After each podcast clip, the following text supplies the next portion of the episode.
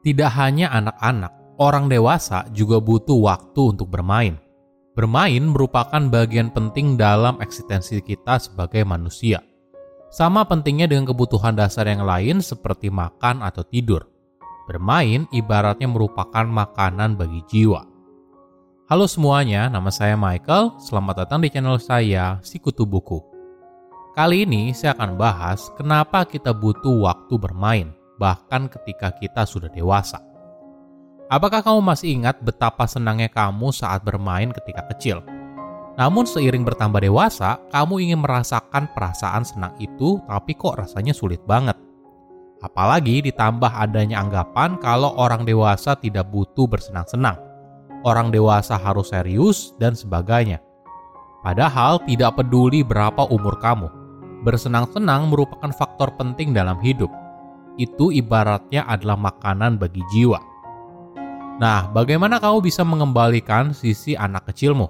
Bagian diri ini sebenarnya merupakan aspek yang tahu apa yang kamu mau, apa yang membuatmu puas dan bahagia. Sebelum kita mulai, buat kalian yang mau support channel ini agar terus berkarya, caranya gampang banget. Kalian cukup klik subscribe dan nyalakan loncengnya. Dukungan kalian membantu banget supaya kita bisa rutin posting dan bersama-sama belajar di channel ini. Apa artinya bermain buat kamu? Mungkin artinya kamu berada di luar ruangan, berlari di taman, piknik, piknik di samping danau, dan sebagainya. Ada juga yang mengartikan bermain sebagai memasak, berolahraga, main game, dan sebagainya. Kesamaannya adalah mereka melakukan aktivitas yang menyenangkan hingga kamu lupa waktu. Ketika kecil, sebagian besar waktu mungkin kita habiskan untuk bermain. Namun seiring beranjak dewasa, kita mungkin berhenti bermain. Kesibukan harian mungkin saja membuat kita lupa bagaimana caranya bermain. Ini adalah masalah besar karena bermain merupakan bagian penting dalam eksistensi kita sebagai manusia. Sama pentingnya dengan kebutuhan dasar yang lain seperti makan atau tidur. Mungkin efeknya tidak jelas terlihat seperti rasa lapar atau rasa lelah, tapi kebutuhan bermain itu memang ada. Oke, kenapa kita butuh bermain? Menariknya, bukan hanya manusia yang butuh bermain. Hewan peliharaan seperti anjing dan kucing juga butuh. Begitu juga dengan beruang, lumba-lumba, dan sebagainya. Dari sudut pandang evolusi, kebutuhan untuk bermain mungkin tidak begitu penting. Apalagi ketika bermain kamu justru mengkonsumsi energi dan kadang bisa berbahaya. Tapi para ahli biologi berpendapat kalau bermain itu justru punya banyak manfaat. Bisa membantu kita beradaptasi pada situasi yang sulit, berlatih untuk bertahan hidup, menyelesaikan masalah, dan berkolaborasi. Sebagai contoh, ada sebuah riset tentang tikus, hewan yang sangat suka sekali bermain. Dalam riset, peneliti melarang mereka untuk bermain, lalu setelah itu melihat mereka berlari di labirin dan bersosialisasi dengan tikus lain. Hasilnya, tikus yang kurang bermain tidak mampu bersosialisasi dengan baik dibandingkan dengan tikus lain yang aktif bermain. Jadi aktivitas bermain dilihat sebagai hal penting dalam kesehatan dan kemampuan tikus dalam bersosialisasi. Apakah kamu tahu soal inner child? Ini merupakan sisi anak kecil dalam diri seorang. Bagian diri ini merupakan aspek yang tahu apa yang kamu mau, apa yang membuatmu puas dan bahagia. Jadi tugas kamu yang pertama adalah coba berhubungan dengan sisi anak kecil di dalam diri. Coba ingat, ketika kamu kecil, apa kegiatan favoritmu? Apakah kamu suka membangun sesuatu dari Lego, menangkap serangga di alam liar, atau menggambar? Memang tidak selamanya minatmu sama ketika masih kecil dan dewasa, tapi ini bisa jadi titik awal yang baik. Kedua, coba ingat saat pandemi dan kita dipaksa harus berada di rumah. Apa yang kita lakukan? Mayoritas mungkin menjalankan hobi, entah memasak, menjahit, menggambar, dan sebagainya. Nah sekarang, coba luangkan 5 hingga 10 menit sehari, jangan lakukan apa-apa Ketika kamu bosan, biasanya sisi anak kecilmu akan keluar dan mulai membisikkan ide-ide yang menarik, ide yang membuat kamu bersemangat.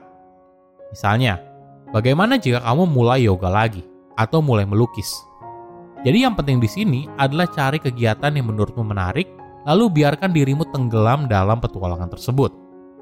Nah, di fase ini, kamu mungkin mulai mendengar kritik diri. Ada suara yang mungkin mengatakan kalau kamu seharusnya tidak melakukan itu, atau kamu terlalu tua untuk bermain-main. Jadi, tugas kamu adalah mendengarkan suara tersebut lalu menulisnya.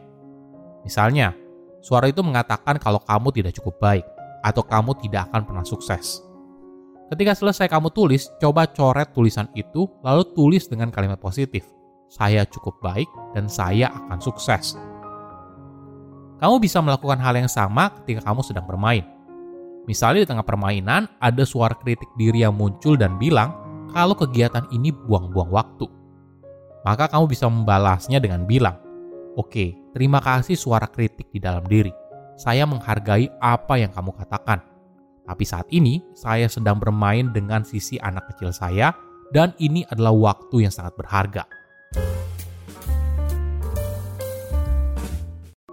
Apa yang menghambat orang dewasa untuk bermain? Mungkin karena orang dewasa terlalu terpaku pada hasilnya. Misalnya ketika kita menggambar, maka hasilnya harus bagus. Ketika kita bermain badminton, maka kita harus menang dan sebagainya. Ini yang membuat permainan tidak lagi terasa seperti permainan. Kamu menjadi tidak bebas dan justru harus memberikan performa terbaik. Padahal, jika kita membiarkan diri kita bebas, maka kita baru bisa merasakan nikmatnya bermain. Tapi tentu saja, jika bicara soal bermain dengan orang dewasa, kemungkinan besar mereka merasa tidak punya waktu. Menjalani hidup sehari-hari saja sudah berat, mana kepikir soal bermain. Tapi bermain itu tidak perlu harus seperti menghabiskan waktu berjam-jam untuk membangun istana pasir. Kamu bisa memasukkan elemen bermain dalam kehidupan sehari-hari. Nah, gimana caranya? Pertama, punya mindset bermain. Coba lihat kegiatan sehari-hari dari sudut pandang bermain. Lihat kegiatan tersebut sebagai kesempatan untuk dinikmati daripada hanya sekedar pekerjaan semata. Misalnya, ketika kamu dapat giliran untuk menyiapkan makan malam, jangan melihat ini sebagai sebuah tugas yang harus dikerjakan. Tapi bayangkan kamu merupakan sebuah pembawa acara dari sebuah acara masak dan narasikan setiap prosesnya dengan cara yang lucu. Kedua, alokasikan waktu untuk bermain Jadwalkan waktu, jadwalkan waktu untuk bermain dalam aktivitas sehari-hari. Tidak perlu waktu lama, 15 menit saja cukup. Entah untuk bermain game, mengerjakan hobi, atau melakukan apa pun yang membuatmu bahagia. Misalnya, kau bisa menjadwalkan 15 menit untuk menggambar setiap hari. Ketiga, lepaskan dirimu dari gadget. Teknologi tentu saja membawa banyak manfaat, tapi ada kalanya kamu perlu waktu untuk jeda sejenak dari teknologi dan lakukan kegiatan offline yang bisa menstimulasi kreativitas dan imajinasi. Misalnya, daripada kamu sibuk scrolling media sosial, coba luangkan waktu untuk jalan-jalan sore. Mungkin saja kegiatan ini justru memantik ide brilian yang tiba-tiba muncul. Silahkan komen di kolom komentar pelajaran apa yang kalian dapat ketika tahu informasi ini. Selain itu, komen juga mau tahu informasi apa lagi yang saya review di video berikutnya. Saya undur diri, jangan lupa subscribe channel YouTube Sikutu Buku. Bye bye.